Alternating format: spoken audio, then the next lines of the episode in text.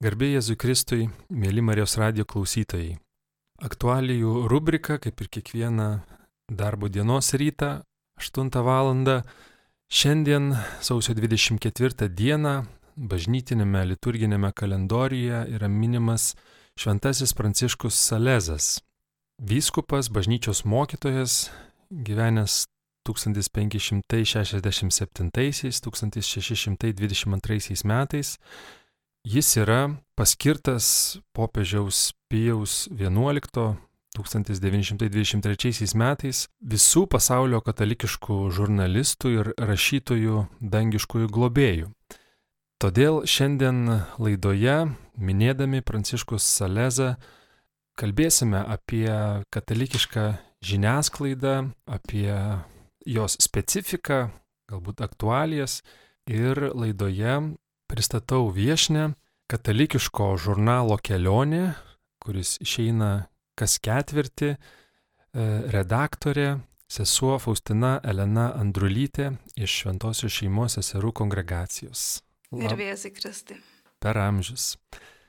Taigi, pakalbėsime apie jūsų darbą, apie rengimą šio žurnalo kelionę taip pat, bet e, pirmiausia, kiek tenka naudotis katalikišką žiniasklaidą įvairiomis priemonėmis. Lietuvoje, Lietuvoje turime ir radiją, ir, ir radio laidų, ir žurnalų, ir televizijos laidų, ir leidinių įvairiausių. Tai kaip visų tuom, ką katalikai kūrė, dirba žiniasklaidoje, tenka naudotis.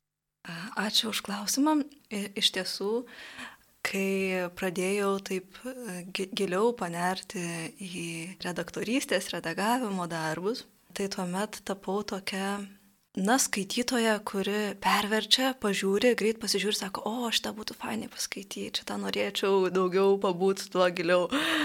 Bet kadangi nėra kada, tai lėki prie savo tekstų, kuriuos privalai padaryti. Ir tikrai išgyvenu tą tokio, na, ką mes turim, turbūt katalikiškoje žiniasklaidoje tą iššūkį, vėliau turbūt kalbėsime apie iššūkius, tai kad vienas žmogus daro bent keletą funkcijų atlieka ar ne. Ir, Ir iš tiesų tada tokio ramaus laiko skaityti knygas, pasinerti į tekstus, ko labai ilgėčiausi, e, to man kartais tiesiog pritrūksta. Tai esu daugiau tokia susipažįstanti skaitytoja su, su katalikiškais leidiniais irgi man tikrai visada įdomu paimti katalikišką žurnalą, kitą ne mūsų leidžiamą ar ne, ir, ir pasižiūrėti tekstus, už, užsikabina akis už kokio nors teksto, paskaitai truputėlį, paskaitai kitą ir, ir pasidžiaugti tuo, kas rašo rašoma ir kažkaip pasisemti ir idėjų. Ir e, man tai yra svarbu, man tai yra brangu. Su radijumi man šiek tiek yra komplikuočiau, nes uh, tiesiog dirbu tokį darbą, kur negali fono įsijungti, paklausyti, neredaguoji tekstą, tu turi visą būti tame tekste.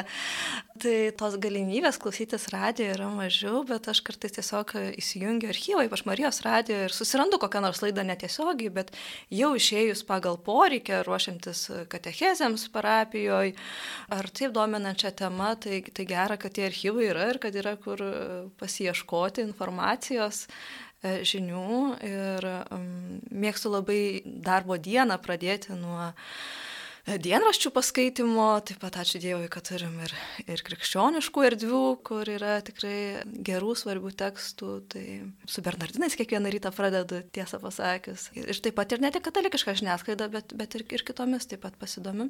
Bet sakau, tikrai ne, nepaneriu gal tiek giliai ir, ir taip stipriai, kaip norėtųsi tą padaryti naudojantis tiek katalikiška, tiek, kaip sakot, kita e, žiniasklaida, mes čia išskiriam šio laidoje ir pats e, Šventasis Pranciškus Salesas, paskirtas katalikiškos žiniasklaidos priemonių darbuotojų, globėjų, kaip išsiskiria katalikiška žiniasklaida iš kitų, kaip turėtų galbūt išsiskirti, jinai būti kitokia kuom.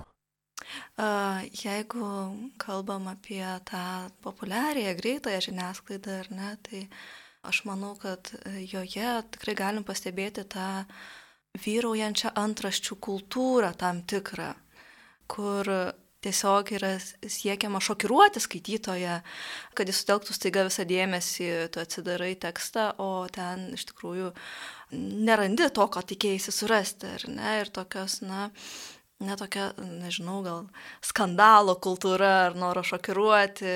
Netgi gal nėra tikslo, kad jis sutelktų visą dėmesį, kaip sakot, kad gal Taip, gal užkliuvo, užkliuvo ir to gana. Mūsų seserys kartais sako, aš neskaitau tų straipsnių, aš tik antraštės perskaitau. tai sakau, tai kokį tu gali vaizdą susidaryti apie tai, kas vyksta, perskaičius tik tai antraštės, ar ne? Nes paprastai antraštė nelabai atitinka tos tikrovės, kas yra parašyta straipsnėje.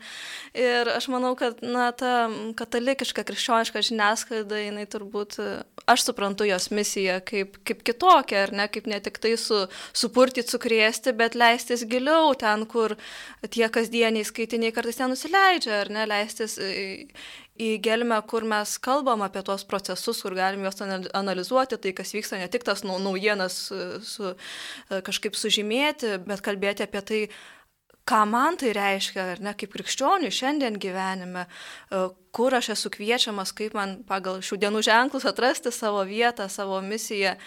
Ir kartais manau, kad dar labai svarbi ta mūsų atsvara. Vėlgi negaliu kalbėti apie visas katalikiškos žiniasklaidos priemonės, gal kitos, kur ten dienrašiai, gal turi e, kitokią truputėlį misiją.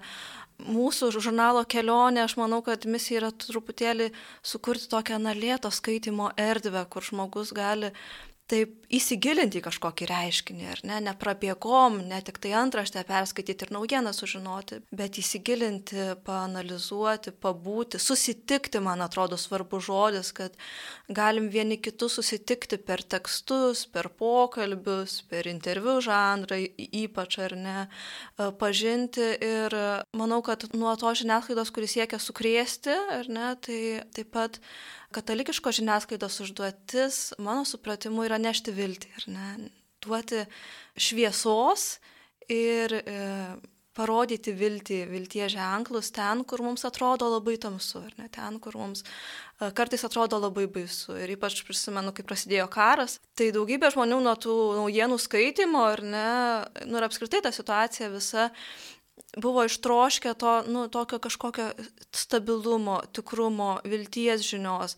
E, kilo labai daug klausimų apie, apie prasme, apie gyvenimą, apie mirtį, apie gėrį ir blogį. Ir manau, kad mūsų užduotis yra e, ieškoti tų atsakymų kartu su skaitytoju, padėti surasti tuos atsakymus į kertinius gyvenimo klausimus, kurie visais laikais jie išlieka tokie patys, ar ne? Ir tik tai tam tikros aplinkybės paaštrina vienus, paaštrina kitus klausimus.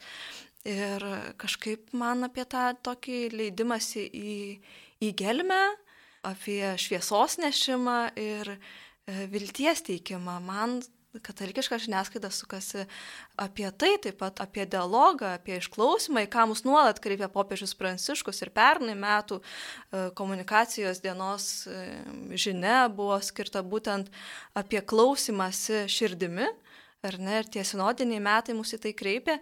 Na, o šiemet, šių metų žinia, 57-oji jau rodos, kalba apie kalbėjimą širdimi, jeigu pernai mus kvietė klausytis, ar ne, tai šiemet e, kviečia kalbėti su gailestingumu ir širdingumu ir kalbėti taip, kad statytumėm tiltus, o ne sienas. Tai man atrodo irgi labai gražiai įvardyja, ar ne, popiežius tą uh, užduotį ir kvietimą katalikiškos žiniasklaidos. Visą tai, tai, ką pasakėt, šitos bruožus, taip atrodo, kad e, ir, ir tas lėtas skaitimas įvardintas, čia aišku gal priklauso nuo, ar tai yra dienraštis, ar tai yra savaitraštis, mėnraštis, tiesiog e, skirtingas aktualijas ir temas užgriebė skirtingai, bet vis tiek tas toks neskubėjimas ir, ir nerungtiniavimas kas bus pirmas, kas paskelbs naujieną, kas kažkokią formą įdomesnė ir patrauklesnė pateiks.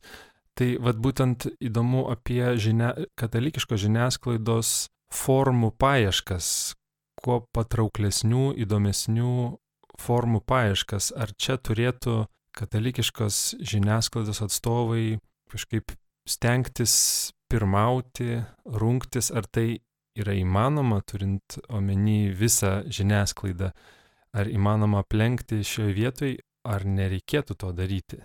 Formos prasme visą mm -hmm, tą žinią mm -hmm. pateikti kažkaip, kad e, susidomėtų, susiviliotų Man dar galvojant apie tą katalikišką tapatybę ir tų leidinių, man atrodo, kad labai svarbu žinot, kas mes esame, ar ne, ir uh, kokia yra ta mūsų tapatybė, ir kaip jūs minėjote, yra labai uh, skirtingų uh, leidinių. Ir taip, jeigu tu esi šiame pasaulyje, ar ne, tai natūralu, kad tikrai atsižvelgia į savo skaitytoją, į jo poreikius ir į tas formas, kurias jis geba, gali priimti. Ir ta konkurencija gali būti iš gerosios pusės, ar ne, kai ieškai tikrai tų patrauklių formų, kurios yra reikalingos ir aktualios, kad skaitytojas išgirstų žinę Ir turbūt natūralu, kad keičiasi vizualika, keičiasi tam tikri momentai ir niuansai su laiku ir, ir tai nėra blogis. Ir kitas dalykas, kai mes e, stengiamės atkartoti visiškai tai, ką daro, sakykime, komercinės žiniasklaidos priemonės įvairios ar ne, ir naudotis tais pačiais metodais, kurie kartais, na, galbūt netitinka mūsų vertybių kaip ir sakiau, na, tas pateikti antraštę, po kurią nėra turinio, ar ne, pavyzdžiui, e, tai nežinau, ar tai turėtų būti mūsų idealas, čia gal daugiau reikėtų kalbėti su tais, kurie tokia aktyvesnė žurnalistika kasdienybėje užsijima, radio eteris ar ne, dienraščiai, nes ką, ką mes kaip kelionė turim, tai mes turim žurnalą ketvirtinį, kuris pasirodo kartą į tris mėnesius. Ir kur ten su jokiom aktualijom, pačiom greičiausiam, tu niekaip nesuspėsi ir net nereikia, net negali taikytis ar ne į į tuos labai skubančius ir, ir greituosius tekstus. Bet kitas dalykas, aš galiu pasimti estetikos prasme, žiūrint, kalbant apie formą, kažkokį žurnalą visai nekatalikišką, ne? ir matyti, wow, kaip, kaip, koks yra atsinaujinimas arba koks yra puikus maketas ar dizainas ir sakyti, o štai mes čia galim pasimokyti ar ne, ir pasisemti naujų idėjų ir gal mums irgi reikia kažką permastyti, tai kodėlgi ne tokiu, to, tokiu atveju E, iš tikrųjų galim rasti ir tikrai tų kažkokių gražių ir įkvepiančių pavyzdžių šiandieniniai žiniasklaidoje nebūtinai e, katalikiškoje. Tarp kitko, dėl tų formų paieškos, Šventasis Pranciškus Salezas šiandien minimas bažnyčios, jisai paskirtas e, katalikiškos žiniasklaidos priemonių globėjų būtent dėl, dėl tuo laiku neįprastos formos, jisai panaudojo skrajutes teko skaityti, kad buvo vyskupas viskupijoje, kur šiaip vyravo kalvinistai ir jisai buvo įtakingas toj viskupijoje ir už jos ribų ir, ir kalvinistai kažkaip bausmėmis drausdavo klausytis vyskupo Pranciškaus Salezo ir žmonėms drausdavo. Ir tuo met jis sugalvojo pasitelkti skrajutes ir jas prilipdydavo kažkur ar dalindavo gatvį ir tai labai pasiteisino tuo metu tokia akcija ir po 300 metų dėl, galbūt ir dėl to, ir dėl jo paties tekstų ir formos, kaip jisai pateikdavo mintis, buvo paskirtas katalikiškų žurnalistų ir rašytojų dangiškųjų globėjų. Tai tuo metu nauja ir ypatinga forma - skrajutės. Dabar visiems įprasta. Kažkur esu girdėjęs, kad net ir televizijos pirmoji tiesioginė transliacija buvo mišios. Tai katalikai e, norėdami skelbti Evangeliją, ieškodavo tų formų ir būdavo kažkur pirmieji. Dabar toks įspūdis susidaro, kad liktai atsilieka nuo pasaulietinės žiniasklaidos priemonių. Galbūt tokie, tokie laikai ir katalikiška žiniasklaida turbūt pirmieji tame lėto skaitimo propagavime. Ko gero, iš tikrųjų, tą lietą skaitimo, tai tikrai tai yra prabanga, ar ne? Ir ačiū Dievui, kad mes galim kviesti į, į tai. Na, o dėl tų katalikiškų formų, tai net nežinau, pavyzdžiui, turbūt pats kokybiškiausias žurnalas ir leidinys, kokį aš esu čiupinėjusi savo rankose, tai yra Amerikoje leidžiamas evangelizacija ir kultūra vyskupo e, Robert Baron. Ne? E, tai tiesiog e, tai yra, nežinau, iš jokio pasaulietinio aš turbūt negalėčiau pasiemti tokio estetikos pajūtimo ir grožio, kokio ir kokybės, kokios yra tas leidinys, visiškai katalikiškas, ar ne, ir kalbantis visiškai katalikiškus dalykus, Tai e, popieriaus kokybė, vaizdo, e, dizaino, maketo ypatingumas, e, tekstai ar ne. Tai yra tai, ką norisi paimti į rankas ir skaityti. Ir tiesiog tam, kad žmogus norėtų paimti ir skaityti, reikia ypatingos aukštos kokybės šiandien. Ar ne? Ir tikrai yra tokių leidinių užsienyje, katalikiškų, kur, kurie wow yra. Mes, aišku, niekada turbūt neturėsim tokių finansinių galimybių parengti ir išleisti tokį leidinį, kaip tas evangelizacija ir kultūra leidžiamas žurnalas. Bet tikrai, tikrai galim ir vieni iš kitų katalikai mokytis. Turim ir yra ko. O ko kokios problemos, kokie trukdžiai yra, dirbant katalikiškoje žiniasklaidoje, kad būtų pasiekiami tie, nežinau, kokybės kažkokio pirmavimo teigiamuose dalykuose aspektai, rodikliai?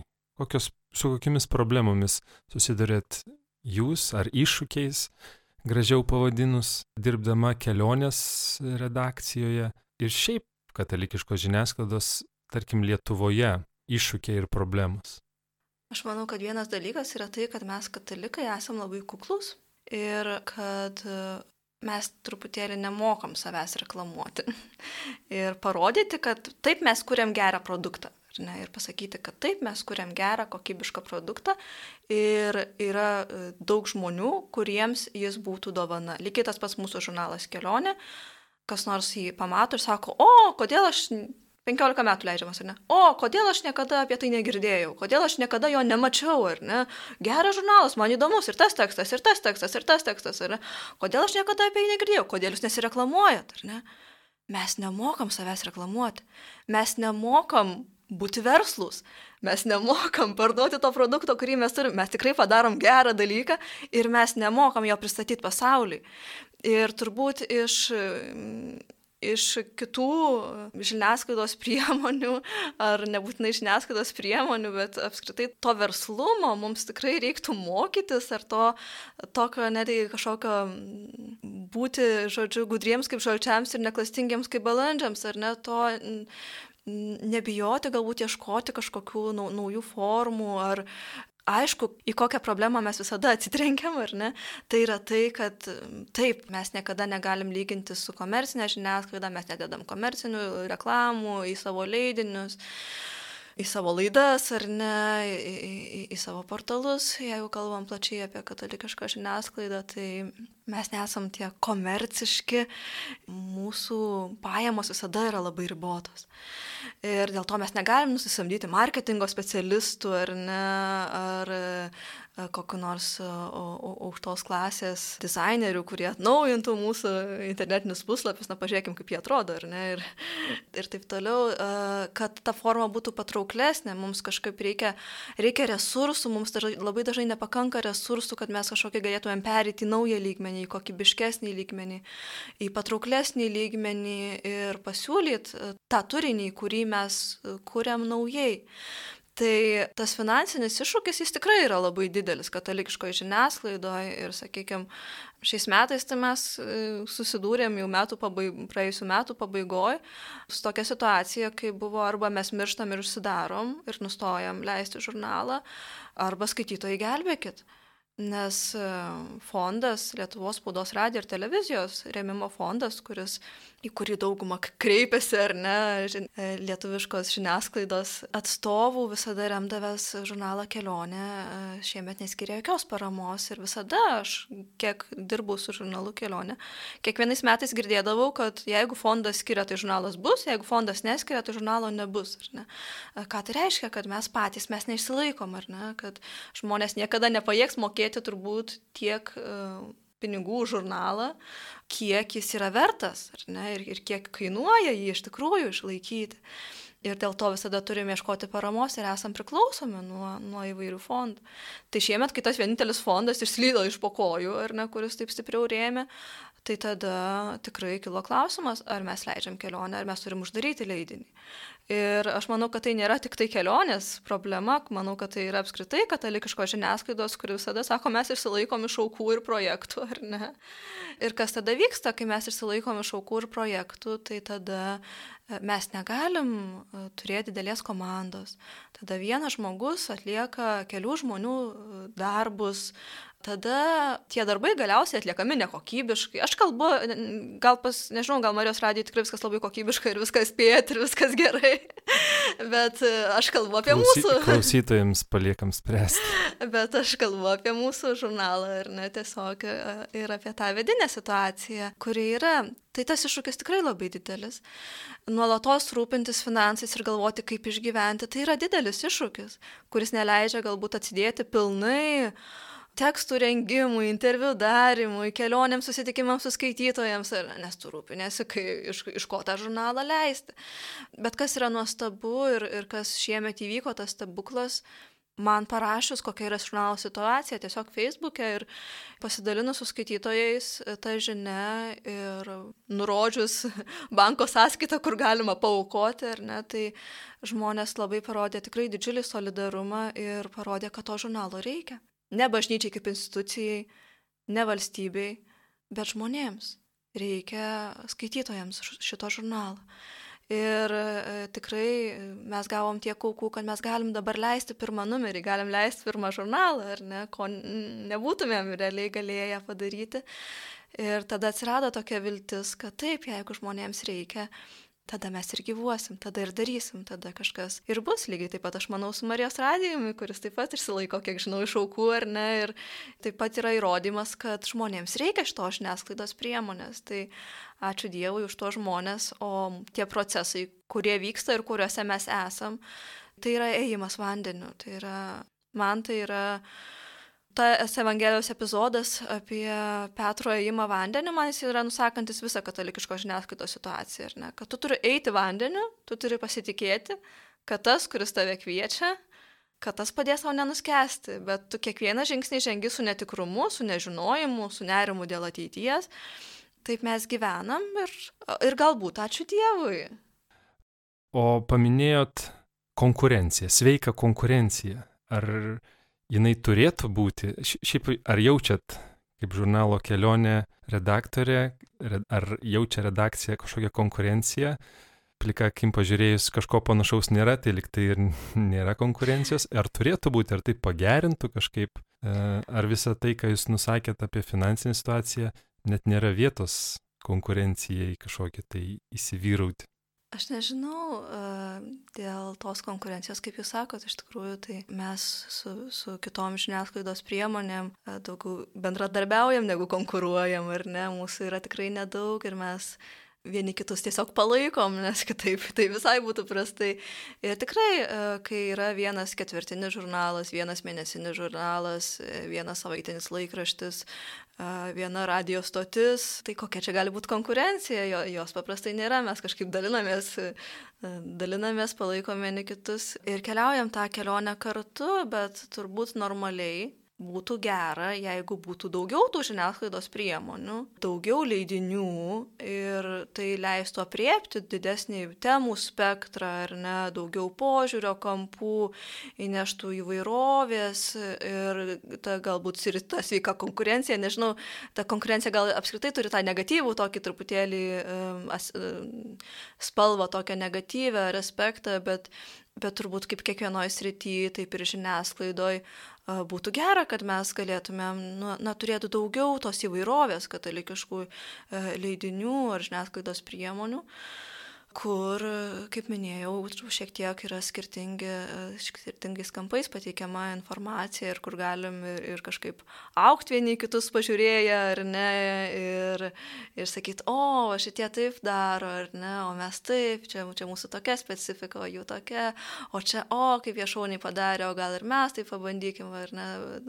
Na, ir gali būti tai, kas mus tai skatina eiti į priekį. Bet dabar iš tikrųjų, tai ir tikrųjų yra per mažai, kad mes kalbėtumėm apie kažkokį konkuravimą.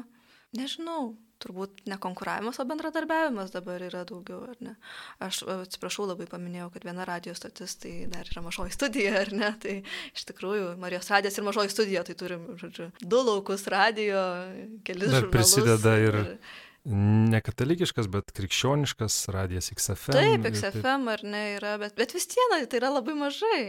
Apskritai, ar ne, žiūrint, tai, tai yra mažai, bet ačiū Dievui už kiekvieną, e, kuris yra, kuris laikosi ir kuris e, imasi tos, to, tos misijos. Tai ačiū Dievui. Norėjau klausti apie katalikiškos žiniasklaidos tikslą. Ir dabar, kai kalbėjote apie katalikiškų žiniasklaidos priemonių bendradarbiavimą, tai tikriausiai daug, visos jos siekia, jeigu taip pažiūrėtume giliau to paties tikslo. Aišku, priklauso nuo pačios priemonės ir, ir, ir temų, tie tikslai smulkesni, aišku, kitokie, bet tas pagrindinis tikslas, pagrindiniai tikslai tikriausiai yra panašus ir vienijantis, todėl yra daugiau bendradarbiavimas, o ne konkuravimas. Bet kaip galėtume įvardinti katalikiškos žiniasklaidos tikslus? Turbūt kaip apskritai kalbam apie save kaip katalikus, ar ne? Ir sakom, kad taip, tas mūsų tikslas yra dangaus karalystė. Tai nemanau, kad žiniasklaidos yra kitoks tikslas negu dangaus karalystė, ar ne? Kalbant apie katalikišką žiniasklaidą ir turbūt ir Pranciškus Alezas naudojo tą žiniasklaidą kaip evangelizacijos priemonę, ar ne? Ir kaip jau minėjau pradžioje, tai man tikrai atrodo, kad tas mūsų tikslas yra vilties žinia, nešti tą vilties žinią, tieso žinią. Tai nėra lengva, nes šiandien yra lengviau kapoti galvą su savo tiesa ir užimti kažkokias labai agresyves pozicijas. Bet kalbėti tiesą su meile, tai man atrodo, kad yra didžiulis uždavinys. Mums, kaip žiniasklaidos atstovams ir apskritai kaip krikščionims, ar ne, neįsivelti į nesibaigiančias kovas, į galvų kapojimus, neužteršti širdžių neapykantą, bet liudyti e, viešpati, kuris skelbia viltį, kuris dovanoja gyvenimą, kuriame yra tikrai ta atsvara visam tam blogiui, kurį matom aplinkui ir kuris vyrauja. Vėlgi aš negaliu kalbėti apie visą žiniasklaidą, nes mūsų yra skirtingi, e, skirtingi pobūdžiai šiek tiek, bet man kalba eina apie sodinimą, apie kažkokių vilties daigų sodinimą, ar ne? Ir aš būtent, aišku, kalbu iš to ketvirtinio žurnalo pozicijų, kuris, na, tikrai nesuspėja paskui aktualijas, nepateikia karščiausių naujienų ir nesisuka tame rate. Ir man atrodo, kad parodyti žmogų, kuris gyvena savo pašaukimu, kuris gyvena tomis dovanomis, kurios yra Dievo duotos, kuris gyvena tą savo viltim kasdienybėje, kartais niekam nesireklamuodamas, ar ne? Parodyti tą žmogų skaitytojui, ar ne, leisti susitikti, parodyti tą, nu, Dievo šviesą, kuri ateina per tos paprastus kartais labai gyvenimus pas mus, nusileisti į tą kažkokį gylį, į tą susitikimą su kitu, su žmogum, su viešpačiu, kartais su žmogum skirtingai galvojančiu ir kitokiu negu aš, bet tuo pačiu Dievo vaiku. Kažkoks, man tai toksai kažkoksai... Mm, sėklų dygimo žemėje vaizdinys iškyla, kai aš kalbu apie tą žiniasklaidos sampratą. Sakau, jinai visiškai yra kelioniška. Tikrai sunku kalbėti man apie apskritai žiniasklaidą, nesakau, aš tokia, tikrai rimai jums sakiau pradžioj, kad aš esu žurnalistiko visiška diletantė ir tai nėra mano sritis, aš nesu žurnalistė. Aš esu filologė pagal savo išsilavinimą, ar ne, esu sesuo vienuolė pagal tai, kas, kas aš esu jeigu reiktų sakyti profesiją, tai veikiau sakyčiau ne kalbos redaktorė, o vienuolė. Ir esu dirbus tik vienoje žiniasklaidos priemonėje, tai yra žurnale kelionė kur pradėjau savo veiklą kaip kalbos redaktorė, ar ne, ir dėl to nesu labai įsigilinus į tuos procesus, kurie apskritai vyksta žiniasklaidoje ir, ir man sunku kalbėti kaip komunikacijos specialistai, pavyzdžiui, ar ne. Ir aš galiu sakyti tik tai tai, ką aš matau, būdama kelioniai, būdama šitam lauke, kuris yra lėto skaitimo, neskambių antraščių ar patrauklių žodžiu, žinių pateikimo, bet būdama šitam laukia aš matau tą žiniasklaidos misiją kaip tą tiltų statymą, kaip e, vilties daigų auginimą ir kaip Kristaus karalystės žinios nešimą ten, kur mes esam. Jau minėjot, kad kelionės skaitytojai parodė solidarumą, susitelkė ir jūs galite tęsti, leisti kelionės žurnalą reiškia, kad e, jis reikalingas, ar daugiau kokių liudijimų konkretesnių tų vaisių, daigai paminėti, bet gal kažkas jau užaugo ir skynėt vaisius, būtent e, iš kelionės žurnalo veiklos ir, ir iš skaitytojų atsiliepimų gal kokių įvardintumėt rezultatų? Taip, čia irgi tas vieta, kur norėtųsi labai pačiupinėti ir pamatyti rezultatus. Aš iki savo darbo, na jau visa stačia galva, kaip panirau į žurnalą kelionė, tapau jo redaktorė, tai iki tol aš tarnavau parapijoje. Ir ten ypač katechezės rytį e, tarnavau ir dabar dar šiek tiek tarnauju, nes turbūt nelabai įsivaizduoju savo gyvenimo visiškai be katechezės ir susitikimo su gyvai žmonėmis. Tai tikrai yra labai didelis skirtumas, kai tu matai, būdama parapijoje žmogų ir palydi jį jo kelionėje ir matai, kaip jis ateina iki susitikimo su Dievu, kaip jis sutinka Dievą, kaip vyksta jo, e, jo dvasinė kelionė, tu matai vaisius tu matai vaisius kartais labai greitai, ar ne, kartais ne, bet tu gali būti prie to žmogaus ir, ir matyti, kaip tas vyksta. O kai tu leidi žurnalą, Tu parengi tekstą, tu surenki kitų autorių tekstus, e, parengi juos spaudai, krapštaisi, tvarkai, derini, darbuojas su maketuotoju, ieškai ten vizualinių sprendimų ar ne, visa kita. Ir toks pogrindinis darbas, kurio nieks nemato, rūpinėsi ten visokiais supakavimais, nuvežimais, atvežimais ir visa kita tu nematai to skaitytojo, kai jis paima žurnalą į rankas tu nematai, kas jam įstrigo ar ne, tu nematai, kuris tekstas jį palėtė. Ir tai yra visiškai kitaip negu tai, kai tu parapijoje esi ir tu gali būti šalia žmogaus ir palidėti jo kelionį. E, tai yra visai kitaip, nes tų atsiliepimų jų ateina, bet jų nėra tiek daug, ar ne, tu išleidai 2000, sakykime, žurnalo tiražą, ar ne, ir, ir tu gauni paskui keletą atsiliepimų. Uh, bet kiekvienas iš jų e, yra tikrai toks e, padrasinantis ir labai įkvepiantis keliauti į priekį, nes tas grįžtamasis ryšys jisai yra tikrai būtinas, kad mes gyventumėm. Kartais sulaukiu tokių, na, labai gražių ženklų, pavyzdžiui, žmogus iš kažkokio, e, neatsimenu pavadinimo, Lietuvos kaimelio, skambina, man atrodo, iš Žemaitijos turbūt, skambina man ir sako, atsiųskit man 15 žurnalų kelionę. Aš sakau, tai čia parapijai reikia, čia kam. Ne, ne, čia aš asmeniškai noriu savo. Ir tada sakau, o kaip puiku, tai kur jūs juos jos dėsit, man tiesiog įdomu, ar ne? Ir jisai sako, tada aš noriu, e, aš radau čia labai gerų straipsnių ir aš noriu savo draugam, pažįstamiems tą žurnalą padovanoti. Ir tada klausi, tai kurie straipsniai jūs užkabino ir palėtė, ar ne? Ir tada žmogus pasidalina, ką surado būtent tam žurnale, kodėl jam norisi ne tik pačiam paskaityti, ar ne, bet ir pasidalinti su tais kitais 15 žmonių šituo žurnalu. Ir tai yra labai gražus e, grįžtamasis ryšys. Arba pavyzdžiui, turim tokią skaitytoją Stasę Sedoje.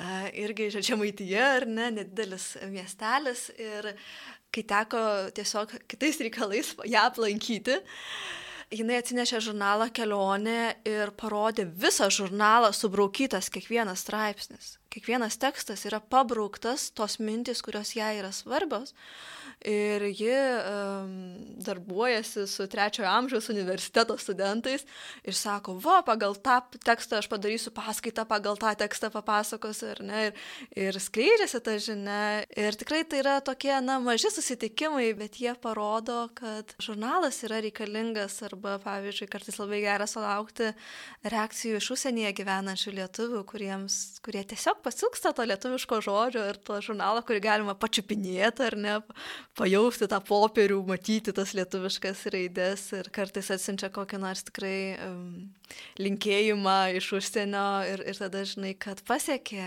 pasiekė ir ne tik tai fiziškai, bet, bet ir širdį. Ir dar yra dovanas, kaip jau minėjau, tie skaitytojai, kurie atranda žurnalą iki šiol neskaitė ir sako, wow, čia toks žurnalas, kaip aš jo nemačiau iki šiol. Ir, arba kartais tiesiog aplankom su savanoriais parapijas, kiek, kiek turim jėgų ir, ne, ir, ir pasiūlom žmonėms m, mm, žurnalą, pristatom jį kartais parapijose. Ir tada tai yra taip pat proga susitikti skaitytojus. Ir, ir po mišių žiūrėk prieina ir sako, aš esu jūsų skaitytoja, prenumeruoju žurnalą nuo pat jo pradžios ir matau tokius pasikeitimus ir man tas patinka, o čia gal ne taip. Ir yra galimybė pasišnekėti tai yra iš tikrųjų didelis džiaugsmas tada, kai tu sutinki skaitytoją, kai gali gauti tą grįžtamą į ryšį, kai atsiunčia kokį laiškutį žinelę, ar kai mes darom redakcijos susitikimus, paprastai darom numerį išleidę, tokį onlininį susitikimą nuotoliniu būdu, nes mūsų viena redakcijos narė, Juratė Mincevičiūtė, gyvena Ispanijoje, mūsų dizaineris Povilas gyvena Luksemburgė, tai mes tokia truputį tarptautinė kelionės bendruomenė. Tada tiesiog, kai jau nukeliauja į, į, į užsienį tas žurnalas ir kai jau jie gauna papirinį, tai tada mes darom susitikimą ir aptarimą, pasidalinimą. Ir tada jau būna visi girdėję kokiu nors atsiliepimu, tai pasidalinam ir, ir tais atsiliepimais, ką iš kitų skaitytojų ar ne, ir bičiulių teko išgirsti. Ir gera girdėti, pavyzdžiui, vieną, žinau, kad turim vieną skaitytoją, kuri nėra katalikė, nėra krikščionė, jai artimesnės budizmas, bet jinai perskaito visą žurnalą nuo pradžios iki pabaigos ir tokiu būdu su, susipažįsta su krikščionybė labiau ir giliau. Ir, ir man tai yra džiaugsmas, e, ypač didelis džiaugsmas, kai neuolius katalikus mes pasiekėm, ar ne, kai galbūt nepraktikuojančius, galbūt net žmonės, kurie nesitapatina labai su katalikų bažnyčia, bet sako, man įdomu pasis, paskaityti, pažiūrėti, kaip jūs rašot. Ir aišku, mes tikrai stengiamės, kad būtų kiekvienam numeriui ir tekstų, kurie, na, nėra visiškai apie, grinai apie tikėjimo dalykus, bet ir susijusių su kultūra, su, su menu, su psichologija, ar ne, apie tą Dievo veikimą, kuris, na, taip nepastebimai veikia ir kartais per žmogaus kūrybą taip pat, ar ne ne, per tą bendradarbiavimą. Ir kad ir žmogus, kuris nėra labai aktyviai tikintis, jis gali rasti savo ko įdomaus ir peno skaitydama žurnalą ir tada gera, kai, kai tie atsiliepimai kažkokie ateina visuomet. Tai yra, tai yra svarbu. Laidai baigiantis norisi ir linkėti kuo daugiau atsiliepimų, vaisių iš pasodintų daigų, Ir norisi taip pat e, laidai baigintis, kad jūs kažką palinkėtumėt katalikiškos žiniasklaidos bendradarbiams. Man norisi palinkėti ir bendradarbiams, ir skaitytojams, ir klausytojams, jeigu galima, ar ne. A, tai iš tikrųjų katalikiškos žiniasklaidos bendradarbių, a, bendradarbiams a, man turbūt norisi linkėti to, ko linkiu savo pačiai - nepavarkti, nepavarkti sodinant išlaikyti viltį ir pasitikėjimą, kad Dievas mus veda ir linkėti drąsos, drąsos eiti vandenį, net tada, kai ta kelionė atrodo nepatraukliai, bet drąsos kylančios iš to, kad esam kviečiami tai daryti, vienas dalykas, ir kitas dalykas, kad yra žmonių, kuriems to reikia ir kad e, to krikščioniško žodžio ir net tos vilties žinios žmogui visada reikės.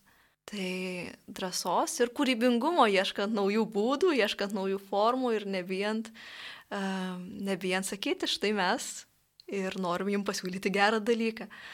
Na, o skaitytojams tai aš uh, tikrai labai norėčiau palinkėti ir klausytojams, ir Marijos radio klausytojams, ir žurnalo skaitytojams, ir kitų tekstų ar garsų, žodžiu, skaitytojams ir klausytojams labai norisi linkėti meilę savo, be kurios uh, labai sunku skirti laiko lėtam skaitimui, laidos įrašo perklausimui. Tai norisi linkėti tos meilės savo, kuri vestų į gilį, į pažinimą ir į susitikimą su Dievu per katalikišką žiniasklaidą. Ačiū Jums labai, sesė Faustina, ir Jums, mėly klausytojai, uždėmesi.